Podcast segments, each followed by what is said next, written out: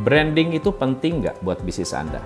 Menurut saya branding adalah salah satu jembatan untuk mencapai tujuan perusahaan karena Anda bisa menjadi perusahaan yang berbeda di mata konsumen. Hari ini kita akan membahas tentang 5 faktor branding yang bisa membawa bisnis Anda sukses. Mengapa branding penting? Bisnis apa pun yang Anda miliki hari ini, produk apa pun yang Anda anggap enak saat ini, bagus, berkualitas, jangan salah. Akan ada banyak orang yang mampu membuat produk yang sama. Bisa jadi dengan harga yang lebih murah, kualitasnya lebih baik. Lalu apa yang membedakan produk-produk yang begitu banyak di luar sana dengan produk Anda? Yang membedakan adalah brand Perusahaan sepatu yang kualitasnya bagus tanpa logo Nike, value-nya beda. Tas yang bisa dibilang berkualitas tanpa logo Chanel, Hermes bisa jadi tidak sama value-nya. Value tidak sama dengan harga. Value lebih dari harga. Harga adalah berapa uang yang Anda keluarkan untuk membeli barang. Value adalah apa yang dinikmati oleh customer kita. Brand lebih dari logo, brand lebih dari iklan, brand lebih dari identitas bisnis Anda. Nah, banyak sekali pengusaha di luar sana lebih mengutamakan jualan daripada branding. Teman-teman, ada lima hal yang akan menguatkan brand Anda ketika hari ini kita mengalami krisis, hari ini kita mengalami COVID-19, tapi jangan salah, kesempatan kita untuk meningkatkan brand terbuka luas. Yang pertama adalah menciptakan value proposition. Kalau Anda adalah penulis, Anda bilang, saya jual buku. Kalau Anda punya coffee shop, Anda bilang, saya jual kopi. Tapi benarkah orang yang datang ke shop Anda benar-benar membeli kopi. Kemarin saya ada coaching seorang pengusaha kuliner. Beliau mengatakan begini, Coach, kalau saya melakukan perubahan apa pun di resto kita, sering kali customer itu berkurang jumlah yang datang.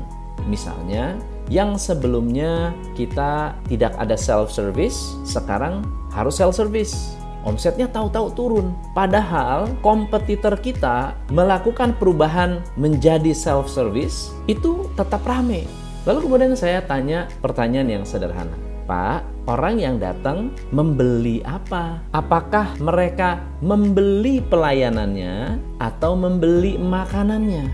Beliau mengatakan, kami sudah enam tahun menjalankan bisnis. Kami ini ramai karena terkenal ramah pelayanan kami superior. Oke, berarti customer-customer Anda tidak membeli makanan. Mereka tidak melihat makanan Anda enak, makanan Anda pedas, makanan Anda superior, makanan Anda banyak, makanan Anda gurih. Mereka nggak lihat. Kenapa? Karena hal-hal itu bisa didapat di mana-mana mereka melihat yang membedakan Anda, kenapa saya nggak pergi ke kompetitor? Karena service Anda excellent. Ketika Anda menghilangkan service excellent ini, Anda kehilangan value proposition. Yang kedua adalah service. Ada sebuah studi yang menunjukkan bahwa 73% customer menyukai brand bukan karena isi dari produknya, tapi karena perlakuan customer service-nya. Zappos adalah sebuah perusahaan yang jualan sepatu. Beli sepatu di mana pun ada. Tapi pelayanan dari customer service Zappos sangat excellent sehingga orang tidak mau pergi ke mana pun karena kalah servisnya dibanding Zappos. Yang ketiga adalah brand Anda bisa unik kalau memiliki karakter Karakter itu berarti sesuatu yang Anda tonjolkan secara konsisten. Coba kita ingat-ingat karakter dari brand Coca-Cola. Apa yang paling Anda ingat dari Coca-Cola? Karakter apa?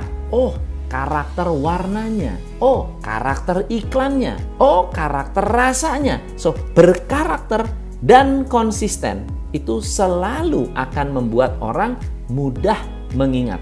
Kalau Anda pergi ke Jogja, apa yang paling Anda ingat? Karakter Jogja apa yang Anda ingat? Gudeg, mungkin sekarang Malioboro-nya, mungkin Anda mengingat karakteristik lainnya.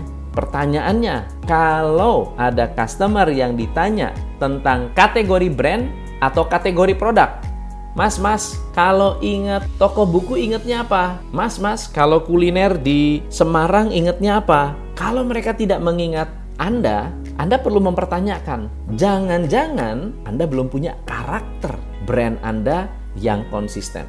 Yang keempat adalah ada salah satu cara untuk membuat brand benar-benar diingat, yaitu dengan memberikan sebuah dampak yang besar kepada masyarakat. Ada sebuah brand yang menjual sepatu. Kalau Anda beli sepatu ini, saya akan membuat sepatu dengan ukuran yang sama untuk anak yang tidak mampu membeli sepatu. Jadi, anda membeli sepatu, sebagian dari profit yang saya dapat, saya gunakan untuk memberi dampak kepada masyarakat. Ada banyak perusahaan karena memberi dampak yang besar menjadi perusahaan yang sangat diingat. Google bukan perusahaan ecek-ecek. Google bisa melakukan banyak hal. Google bisa membuat Anda melakukan browsing di Google Chrome mereka berbayar. Bisa kalau mereka mau. Tapi mereka tidak lakukan itu karena mereka ingin memberi dampak. Berapa banyak produk Google yang gratis dan memberi dampak? Teman-teman, ketika memberi dampak dan memberi manfaat, brand itu akan mudah sekali untuk diingat. Yang kelima adalah memahami story Anda. Apa kisah yang membuat Anda unik? apa kisah yang membuat customer Anda tertarik untuk mengingat Anda. Bisa juga Anda tampilkan dalam bentuk iklan. Bisa juga Anda tampilkan dalam bentuk narasi. Bisa juga Anda bentuk tim untuk menampilkan ide-ide efektif, efisien, dan kreatif di sosial media Anda. Hanya untuk menyampaikan bahwa, hey, saya itu beda. Semoga bermanfaat. Saya Tom MC Ifle, salam pencerahan. hanya di Top Coach Indonesia.